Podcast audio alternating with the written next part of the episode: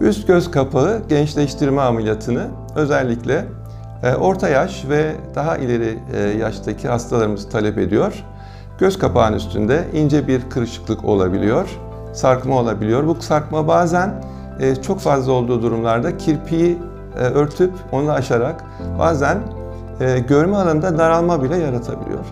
E bunu sadece incecik bir deri çıkararak da yapabildiğimiz gibi hemen altındaki eğer e, orada bir fazlalık olan, e, sarkma olan yağ dokuları varsa onları da düzelterek e, yapabiliyoruz. Sonuçta daha genç, daha güzel gözlere sahip oluyoruz. İyileşme süreci ameliyat genellikle lokal anesteziyle yapıyorum. Bazen korkan hastalarım oluyor. Onlara sedasyon dediğim yani yarı uykulu vaziyette de yapabiliyorum. Genel anestezide tabi tercih eden hastalarım oluyor nadiren. Bir hafta sonra dikişlerini alıyorum. Başka da bir sorun yaşamıyoruz.